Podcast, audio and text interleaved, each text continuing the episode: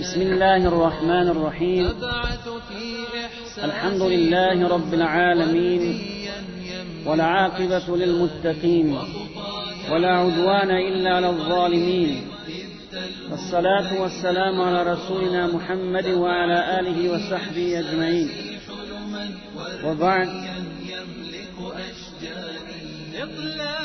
Slava i zahvala pripadaju Allahu subhanahu wa ta'ala gospodaru svih svjetova.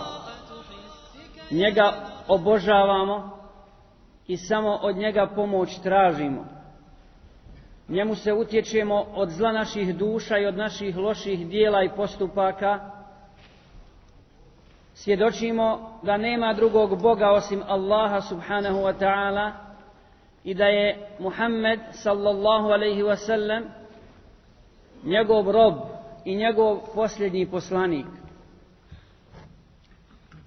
A zatim, draga moja braćo Podinu i cijenjene sestre, dragi vjernici, meni je istinu velika čast i zadovoljstvo govoriti večeras u ovoj Allahovoj kući, u ovom našem mesđidu, ovakvom auditoriju, pred ovim prepunim mesđidom, okrenut prema vama, gledajući ova svijetla vjernička lica, zaista je vjerničko srce ganuto do suza zbog ovakvog prizora. I dozvolite mi da vas u ime Allaha subhanahu wa ta'ala poselamim našim islamskim pozdravom i pozdravom stanovnika dženneta. Assalamu alaikum wa rahmatullahi wa barakatuh.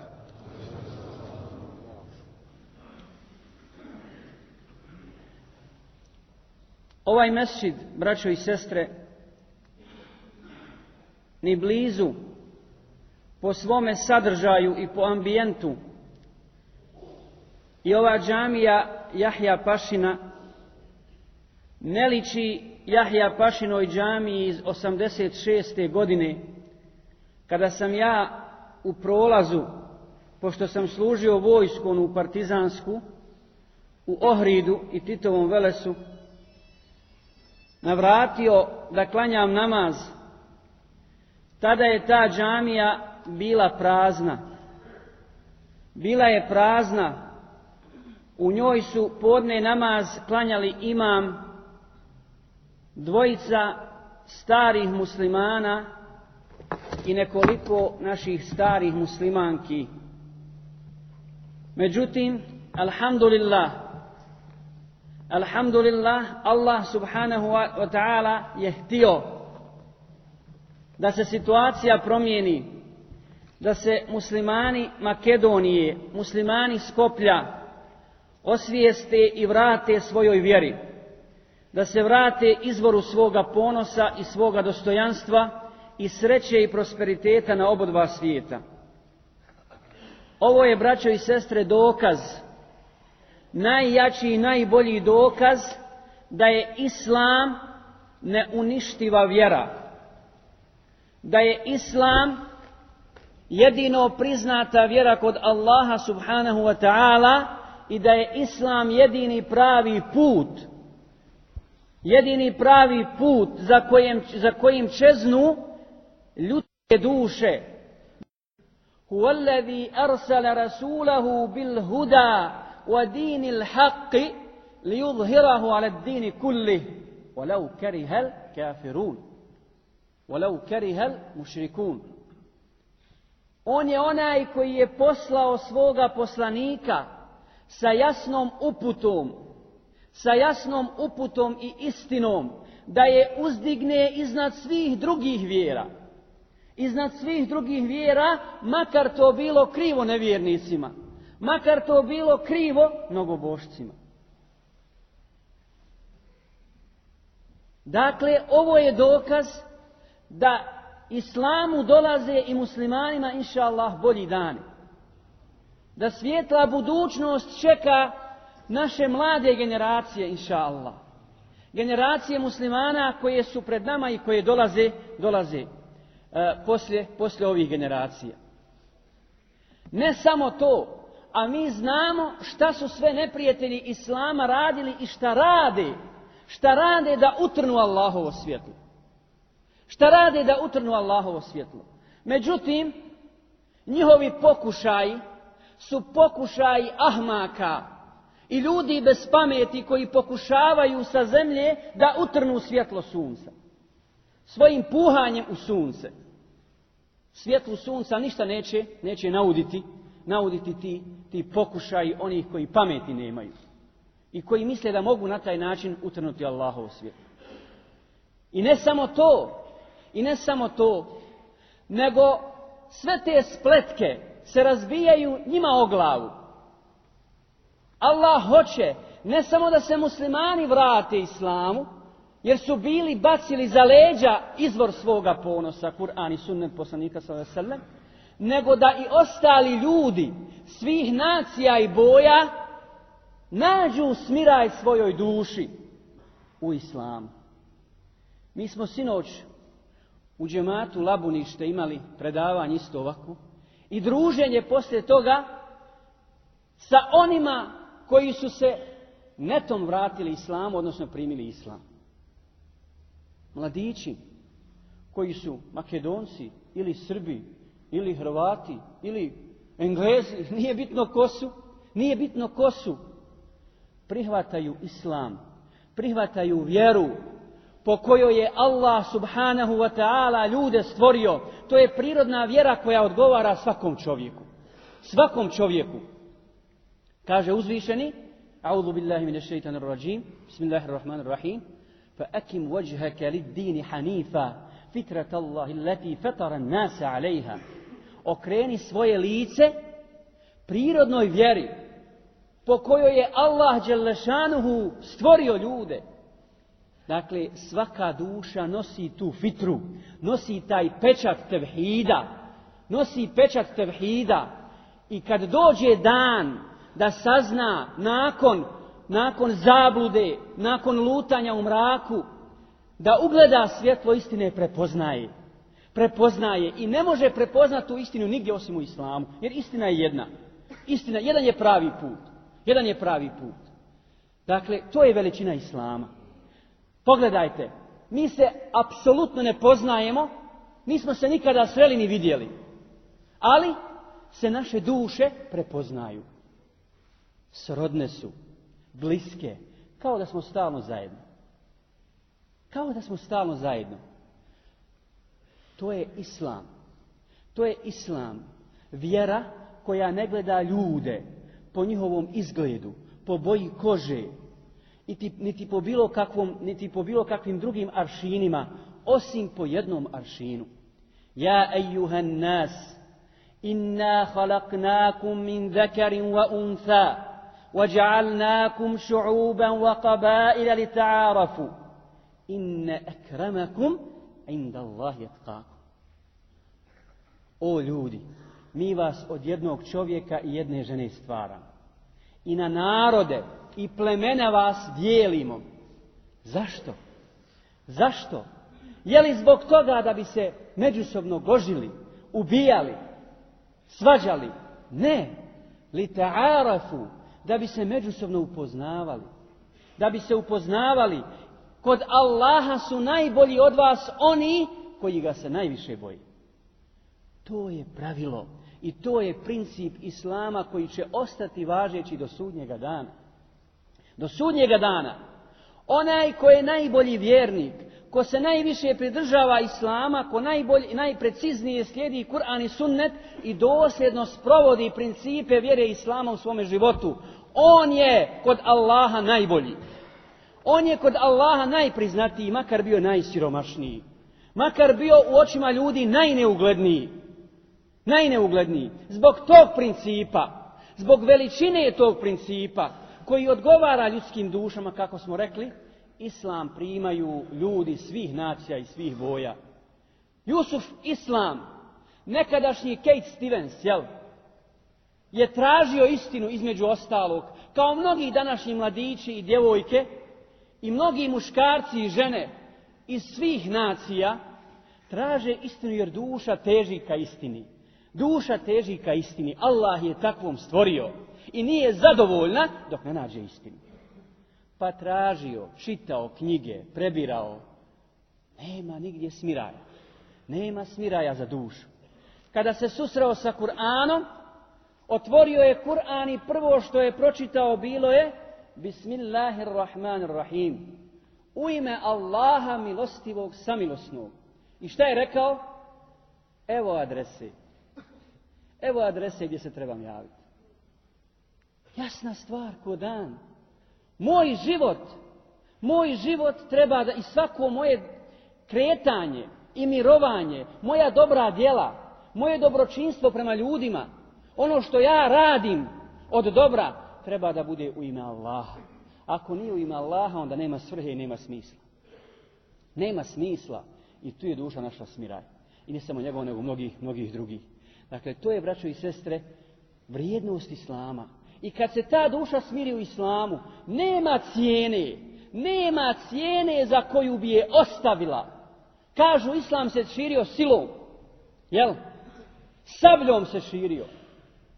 Za 500 godina koliko su Osmanlije vladale na ovim prostorima, da se islam širio silom, ni jedan nemusliman ne bi ostao. Ni jedan nemusliman ne bi ostao na zemlji. Naprotiv, Naprotiv, kako će se islam širiti silom, kad je pravilo u islamu, temeljno pravilo za koje su znale sve halife, a da ne govorimo islamski učenjaci, i svaki musliman i muslimanka, la ikrahe fid din, kad tebejena rušdu minal gaj. Nema prisiljavanja u vjeru. Nema prisiljavanja u vjeru, kaže uzvišeni. Pravi put se jasno razlikuje od zabude. Pravi put se jasno razlikuje od zabludi. Kažu islamski učenjaci, zašto? Kakva je pouka ovome? Kakav je komentar i tefsir ovoga ajeta? Nema prisiljavanja u vjeru. Zato što je istina kao takva, ona odgovara ljudskim dušama i kad je pročitaju i kad je vidi samo oni koji su zaista sami sebi zulumčari, koji su nepravedni prema sebi, neće je prihvatiti. Iznesi je kako treba pred bilo kojeg kršćanina, pred bilo kojeg židova, pred bilo kojeg mušrika, na najljepši mogući način, bez uvreda, bez vrijeđanja, bez omalovažavanja, prenesimo je kao čovjeku, kao insanu, koji ima vrijednost kod Allaha subhanahu wa ta'ala. Nema sumnje da neće kazati to je istina. Prihvatio je ne prihvatio. Ali to je istina koja odgovara njegovoj duši. Koja odgovara njegovoj duši.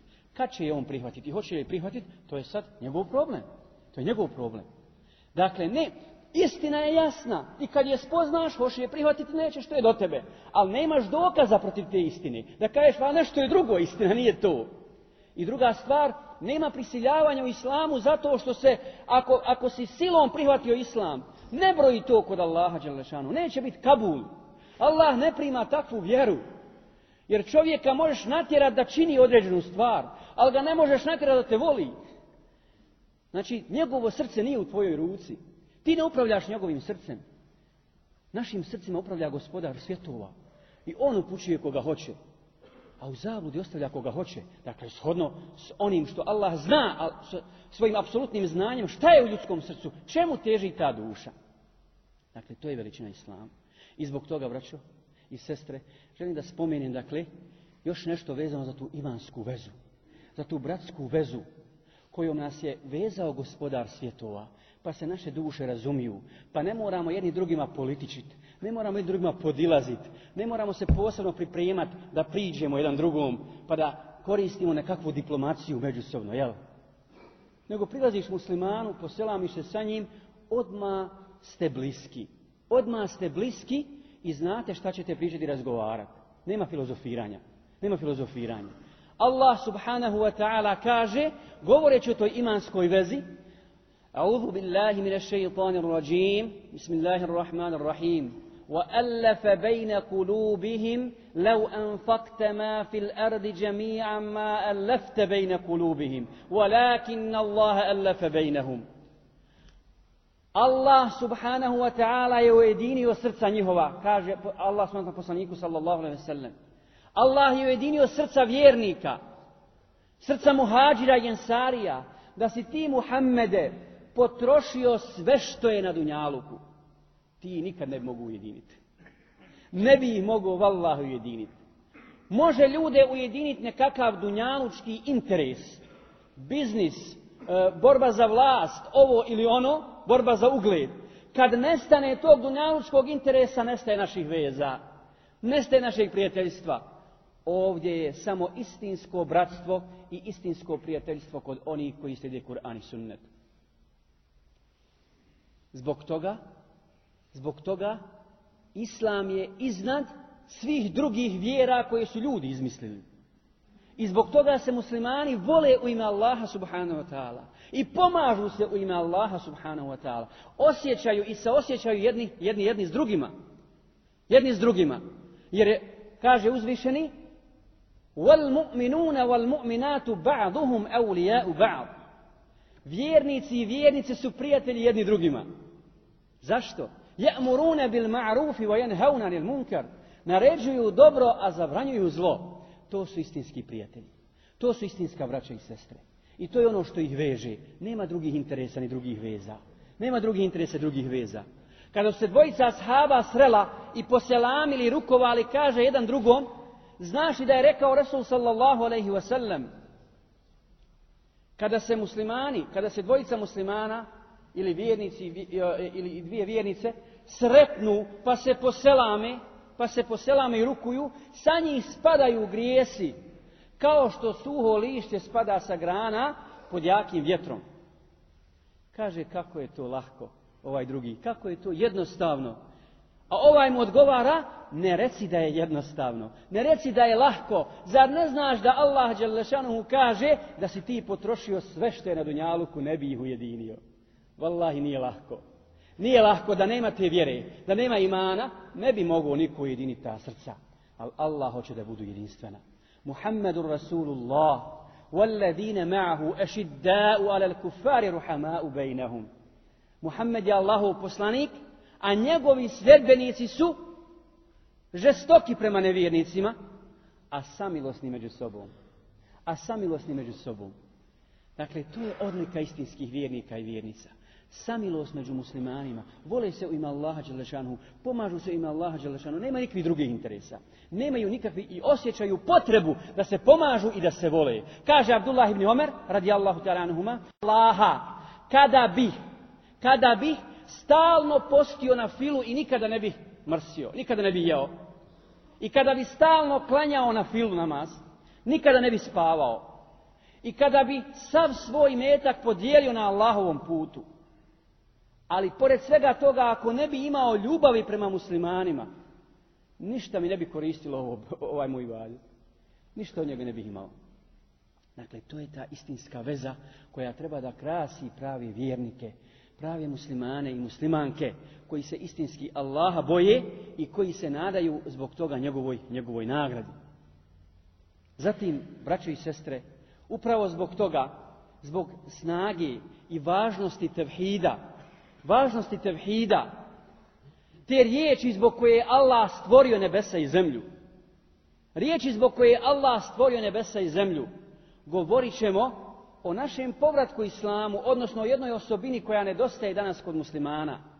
Musa a.s. je tražio od Allaha Đelešanuhu da ga poduči, da ga poduči dovi, kojom će ga posebno moliti u posebnim trenucima. Pa mu Allah subhanahu wa ta'ala naređuje da izgovara la ilaha illallah. Allah. Musa a.s. kaže ja rab, ja rab, svi muslimani izgovaraju la ilaha illallah. Allah. Ima nešto posebno ima neka posebna dova. A Allah subhanahu wa ta'ala mu objavljuje i kaže, o Musa, tako mi moje uzvišenosti i veličine, kada bi se sedam nebesa i sedam zemalja stavilo na jedan ta svage, a na drugi ta svage la ilaha illallah, šta bi prevagnulo? Prevagnulo bi la ilaha illallah. Prevagnulo bi la ilaha illallah. Kuće ti bolja dova. Zar ima nešto vrijednije? Zar ima nešto vrijednije od toga? I to je ono s čim se trebaju muslimani i muslimanke ponositi. Ponositi nema većeg ponosa od toga. I niti ima veće istine od te. Zato ćemo, braćo i sestre, spomenuti stvari koje su vezane za ubijeđenost i sigurnost i pouzdanje u Allaha subhanahu wa ta'ala, odnosno temeljne istine vjere, u temeljne istine vjere i konačnu pobjedu istine bez obzira što nam se čini i što će nam se činiti ili što bi nam se činilo da se islam i muslimani nalaze u krizi. Da su islam i muslimani poniženi. Da je islam u teškoj situaciji i, teško, i teškom halu. Ova je osobina uzrok mnogih naših posrtanja, mnogih naših poniženja. Zašto? Zato što mnogi muslimani još uvijek ne znaju, ne poznaju dovoljno svoju vjeru. Ne poznaju i ne razumiju principe, principe Islama. Danas je kod mnogih muslimana i to je hak, to je istina, to je istina. Pouzdanje i oslonac na Allaha zadnja stvar. Zadnja stvar. Ako mi ide dobro trgovina, ako mi ide dobro posao, sve mi je potaman. Šućur Allahu na kraju. Pa na kraju ako kažem, neću zaboraviti ni Allaha Đelešanu. Do, međutim, ako ne ide kako treba, onda se neću nisjetiti ni Allaha Đelešanu. A ako ide kako treba, nije na odmet da na kraju kažem i Alhamdulillah. Alhamdulillah, dobro je. Dobro je. Međutim, treba da bude obrnuto. Pouzdanje i sigurnost u Allaha subhanahu wa ta'ala i njegovu pomoć i oslonac na gospodara svjetova mora biti i na početku i u toku djela i poslije, i poslije samog djela. Kaže uzvišeni, kurillahumma malikal mulki, tu'ti mulka man tasha wa tanzi'u mulke mulka mimman tu wa tu'izzu man tasha wa tudhillu bi yadika bijedike khair innaka ala kulli shay'in qadir. O ti koji svu vlast imaš, ti vlast onome kome hoćeš daješ, a oduzimaš od koga hoćeš. Ti uzvisuješ koga hoćeš i ponizuješ, ponizuješ koga hoćeš u tvojoj ruci je, u tvojoj ruci je svako dobro. Dakle, vjernik i vjernica moraju znati da im se ništa dobro ne može desiti ako Allah Đelešanuhu to neće. Da im niko štetu ne može nanijeti kada bi se svi svjetovi iskupili da im štetu nanesu ako to Allah subhanahu wa ta'ala neće. Dakle, ne može ti niko koristiti ako gospodar svjetova neće se to desi. Ko je ubijeđen u Allaha subhanahu wa ta'ala, on je sigurno spašen. Ko od njega traži, sigurno će mu dati. Sigurno će mu dati prije kasnije. Ko se na Allaha oslanja, on mu je dosta. A to ubjeđenje, to ubjeđenje dakle je produkt iskrenog i istinskog, istinskog vjerovanja. Uvjerenje, odnosno vjera braćo i sestre ne smije biti profesija. Ne može musliman i muslimanka biti muslimani od sedam do četiri. I onda gotovo. Poslije toga nemam ništa s vjerom. Vjera, islam, mora biti organski povezana s našim životima organski, svaki naš dah, svaki naš pokret, svaki naš pokret mora odisati islamom, mora odisati, odisati vjerom. Vjera treba, dakle, i mora biti naša svakodnevnica, jer ona je naš život. Ona je, u stvari, istinski, istinski život.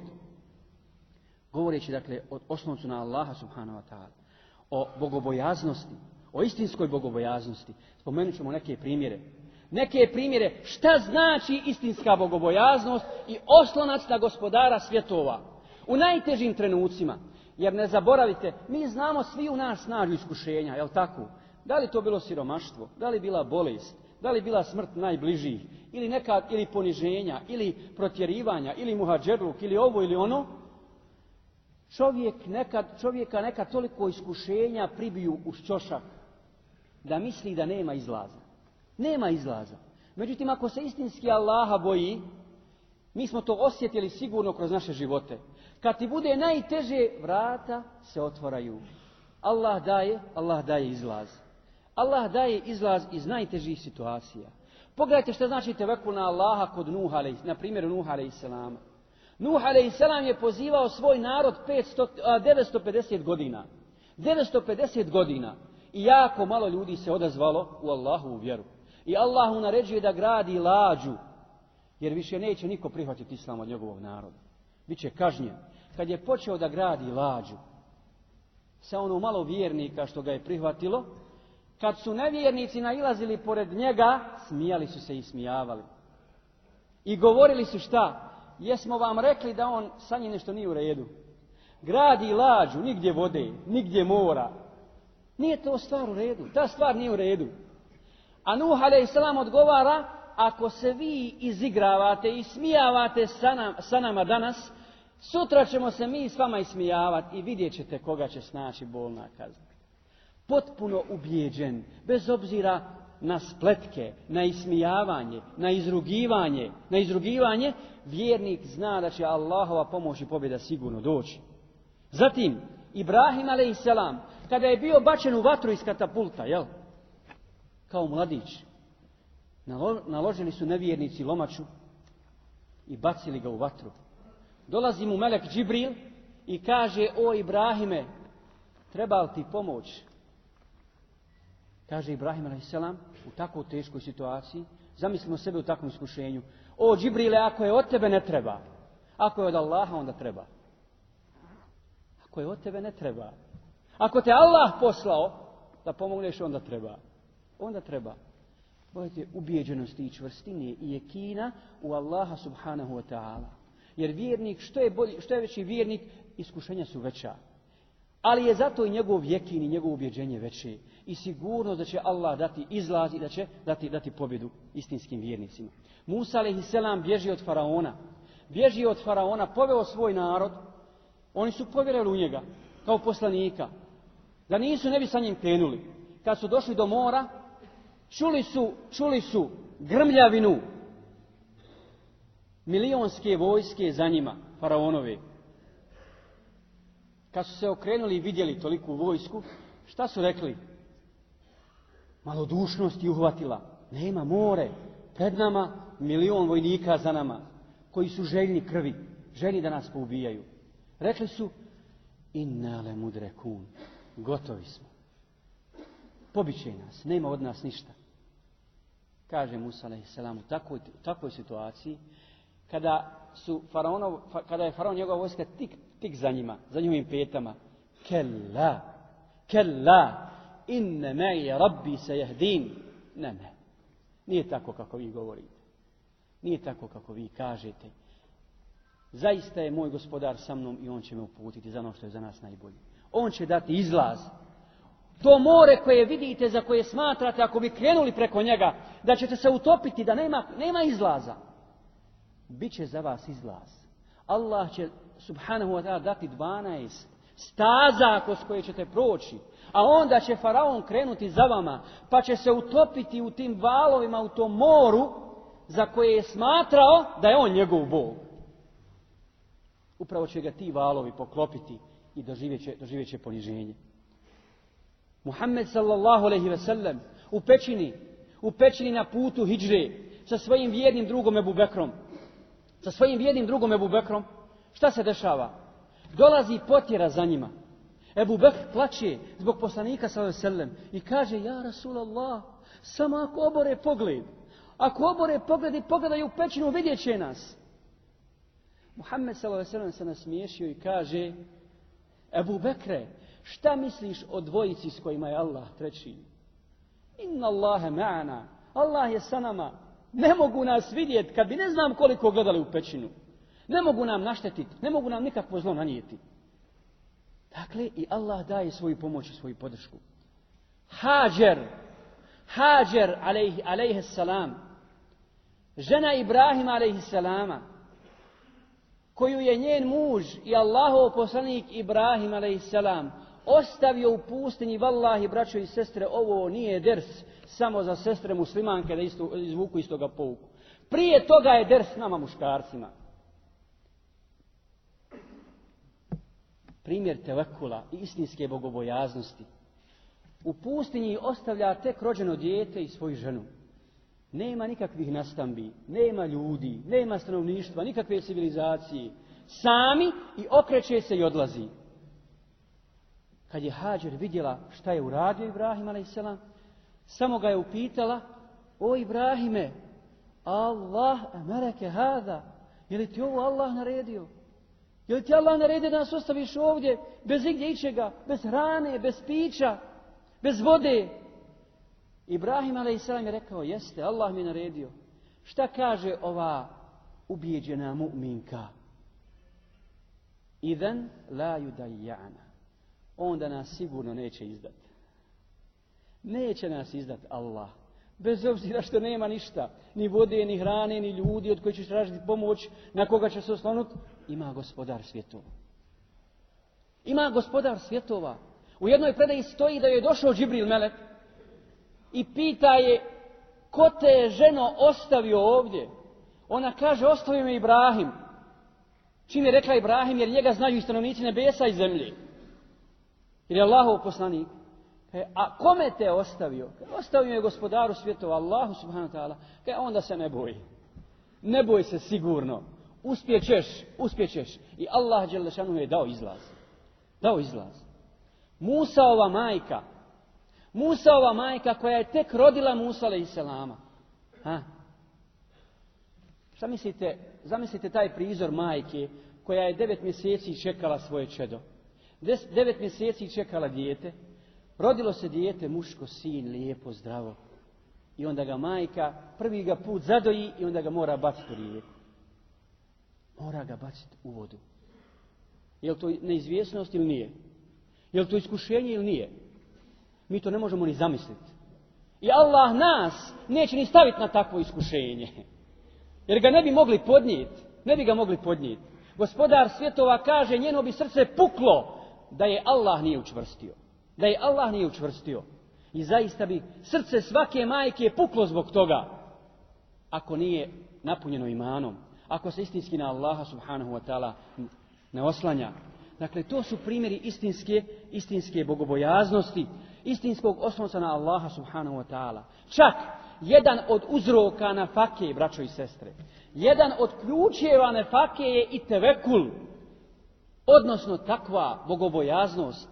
Kaže uzvišeni man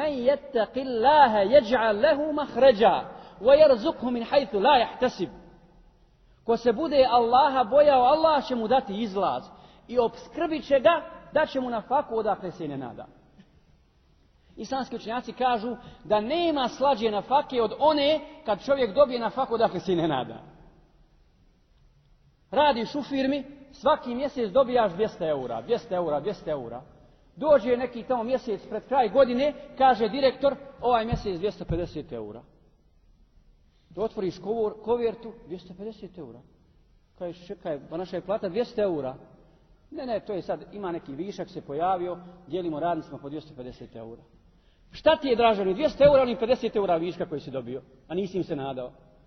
Draženi 50 eura, nisi očekivao, ovo redovno dobijaš. Ta nafaka koja dolazi odakle se ne nadaje je draža i slađa od one koja redovno, koju redovno, redovno imaš. Ko se istinski Allaha boji. Slučaj poznatog pobožnjaka Ibn Ukajla. Ibn Ukajl je bio čovjek koji je bio jako pobožan. Krenuo je na hađ, pošao je na hađ, sa imetak svoj prodao da bi obavio hađ. I kada je krenuo, Put je bio težak, nestalo mu je hrane, nestalo mu je vode, ali nije htio da prosi, da traži od ljudi. Hoće da se posvijeti samo i badetu. Kad je došao kod Kabe, klanjao dva rekata, ugledao je kesu. Kesa svezana jednim posljednim lančićem. Kaj, subhanallah, šta je ovo?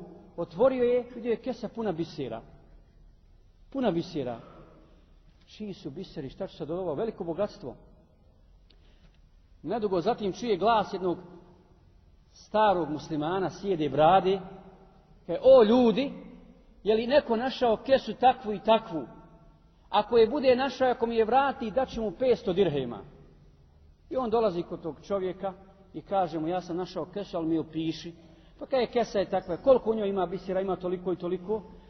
I je zavezana nečim vjeska je takvim i takvim lančem, odnosno koncem. Evo, kaj, to je tvoje.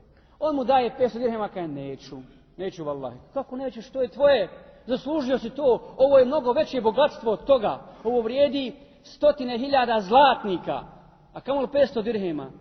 Kaže, zar me ne bi bilo stid i sram da pred Allahovom kućom, da pred Bejtullahom tražim nek od nekog drugog osim od Allaha subhanahu wa ta'ala. I ovaj čovjek kad je to vidio, onda je uputio dovu Allahu za ovog čovjeka.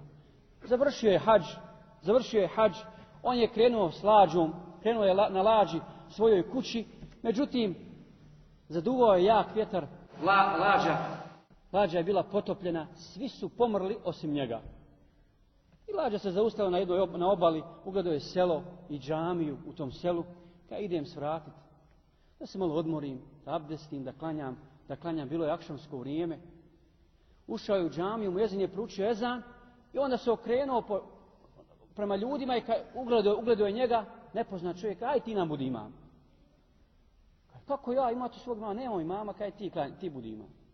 On je klanjao i pošto je jako lijepo učio Kur'an, kažu oni njemu nakon toga, Boga mi ti nama ostaješ ovdje zahođe. Ljudi, ja sam miskin čovjek, ja nemam nigdje ništa, moram se vratiti svojoj kući, nemojte, od čega ću živjeti, mi ćemo tebi davat, ali ćeš ostati ovdje kod nas ima. I tako je bio Nakon nekoliko dana dolaze, dolaze E, glavešine sela, dolaze predstavnici sela i kažu mu Znaš šta je Fendija, ti mašala lijepo učiš, učiš nam djecu, podučavaš naš Kur'anu i sunetu sela ali nisi oženjen, moramo te oženiti. Ne možeš tako neoženjen biti imam. Da upotpuniš, dakle, sve te, sve te šartove. E, ljudi, bojte, ja sam siroma, nemam kući, koja će se djevojka za mene udati, Ne brini ti kako ti hoćeš, mi ćemo tebe inšala oženiti. Ima od našeg starog imama koji je umro, čerka. Ti si njega zamijenio, ima njegova čerka, pa ćemo te odvesti ako ti se svidi i ako se ti njoj svidiš onda uzmite se u ime Allaha subhanahu wa ta'ala. Otišli su, kad je on ugledao djevojku koja se pripremila za taj susret, ona je gledala, a on je samo gledao u onaj lančić na njenom, na njenom vratu. Pa mu kažu ljudi, šta je s tobom ova, njoj oči ispadoše, gledaju i pa ti samo gledaš u lančić, što ne gledaš u nju. Kaj ljudi, za ovaj lančić, ovaj meni lančić poznat. Poznat mi je ovaj lančić. E, kako ti je poznat? Kad ja sam bio na hađu i našao sam kesu bisera sa ovim istim lančićem koji, koja je bila zavezana s ovim lančićem. Kaj jesi ti taj čovjek koji je to našao? Kaj jesam. Kaj tako nam Allaha taj naš imam nam je pričao o tebi. Pričao o tebi stalno jednoga dana poslije namaza je uputio dovo a mi smo vi govorili amin i rekao je ja rab, između ostalog, ja rab u svojoj dovi, podari mojoj čerki muža sličnom onom mladiću koji je našao, koji je našao moju kesu bisiru. Allah subhanahu wa ta'ala je dao da on dođe u to mjesto, da se zaposli kao imam i da oženi čerku bivšeg imama koja je bila jako bogata i riješio je, riješio je sve, svoje, sve svoje probleme. Dakle, istinski tevekul i oslanac na Allaha subhanahu wa ta'ala je ključ na fakije i dunjalučke, a kamoli ahiretske sreće koja je najbitnija i najvažnija. Omer radijallahu ta'ala an je jedan put bio na putovanju i vidio jednog čobana čuva ovce i kaže mu mladiću daj nam prodaj jednu ovcu da je zakoljemo. Kaže ne mogu ja prodat ovcu. Ne mogu ja to uraditi, jer nisu moje ovci, ja sam samo čoban, ja sam sluga. Nema veze kaže su sluga, tvoj gospodar te ne vidi sada, ne vidite tvoj gazda, zakolj ovcu i daćemo ti pare. A kaže o njemu, o čovječe, a gdje je Allah? Zar Allah ne vidi? Omer radijavatan obradovan ovim, zastao je i kaže, stvarno, gdje je Allah?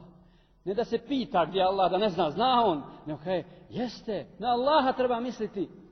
Zadivljen bogobojaznošću ovog mladića, otišao je i tražio njegovog, njegovog gospodara ovog, odnosno gazdu, kako mi kažemo, jel? I kaže mu, bil mi prodao, pita ga, bil mi prodao svoje stado? E, bi. Koliko? Toliko. A bil mi prodao čobana, koji je bio rob, dakle nije bio slobodan, je bio rob, sluga. Kaj bi. Kad se on vratio sa stadom, Kaže mu Omer to su moje ovce sada.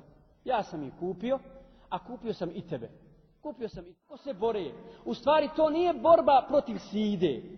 Oni se sad, to je licemirje.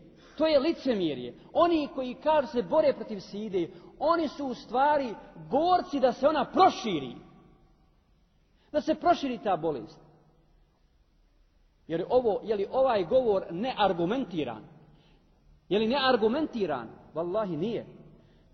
Kako, su, kako šire sidu? Otvorili su vrata nemorala, sva moguća vrata. I droge, i prostituciji, i alkohola.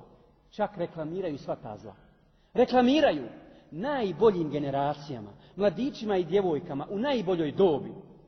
U najboljoj životnoj dobi. Ali također u dobi kad je strast ljudska najjača, otvorili su sva vrata nemorala dakle svojim sinovima i kćarima.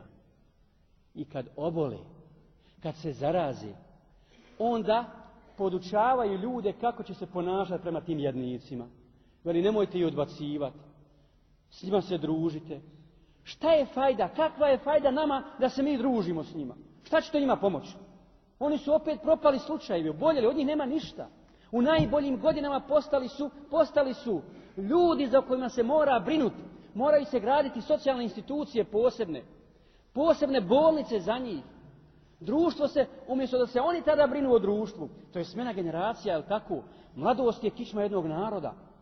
Kad se čovjek odškoluje, kad završi školu, ili zanat, ili i onda se zaposli, od njega ovo društvo očekuje mnogo da zamijeni stare ove ljude. Međutim, umjesto toga, ovi stari ljudi, stare generacije se brinu ponovo tim mladima zbog njihovog nemorala, zbog lošeg života i tako dalje. Dakle, nema izlaza, nema izlaza mimo, mimo islama. Islam se odlikuje potpunom pravednošću, moralnošću, umjerenošću i, i realnošću. I to moramo, to moramo shvatiti. Zatim, sigurnost braćo i sestre u sebe i samopouzdanje u sebe. Šta to znači? To ne znači oholost da se musliman muslimanka ohole zato što musliman. Ne, musliman ne može biti ohol, istinski musliman. Može biti ponosan, ali ne može biti ohol. Ne može biti ohol. Ponosan može biti sa svojom vjerom, makar sam živio u Skoplju, makar sam živio u Parizu, makar sam živio u Sarajevu, neke sve ostalo kufr.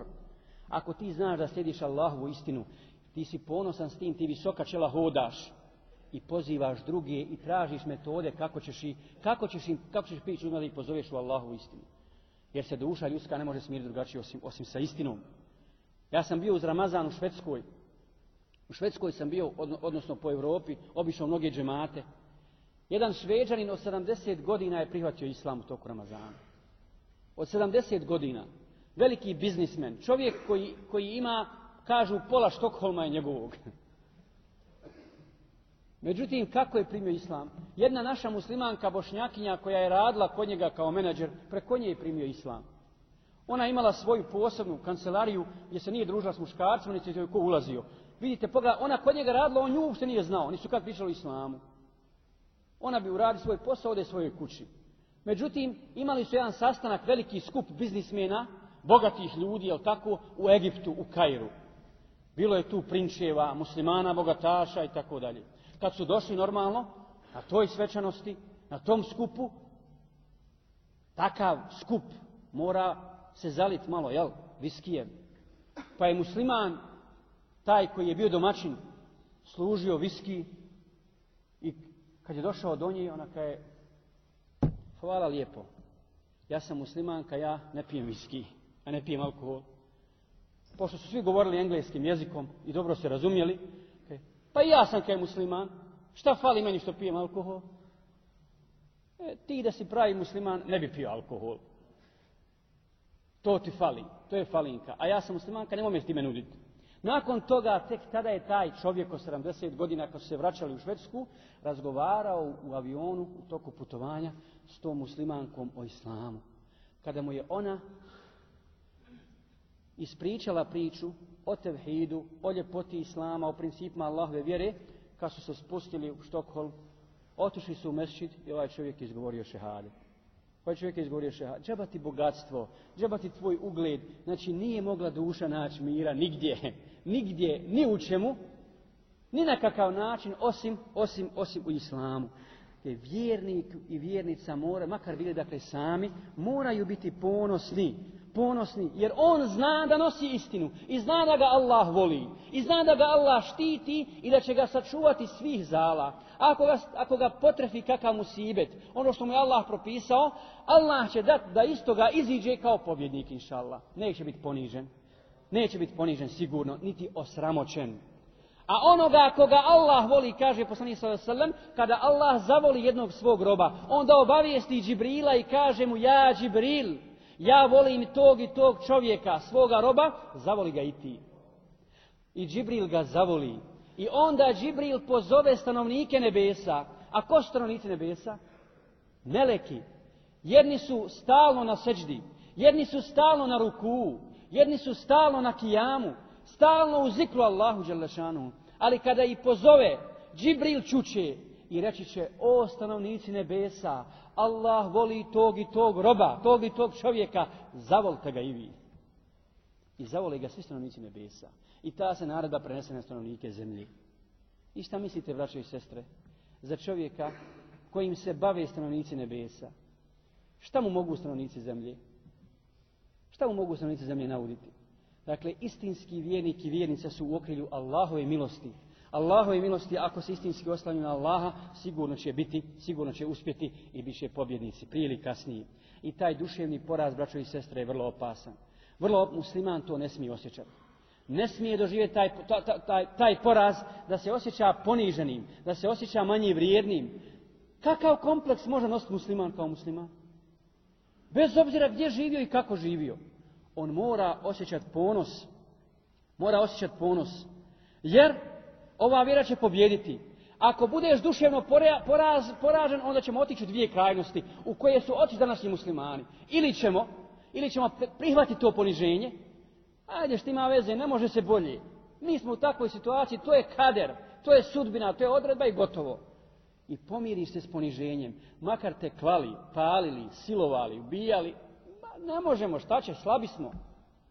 Ili će otići u drugu krajnost, pa će pojedinci pokušati silom da riješi situaciju.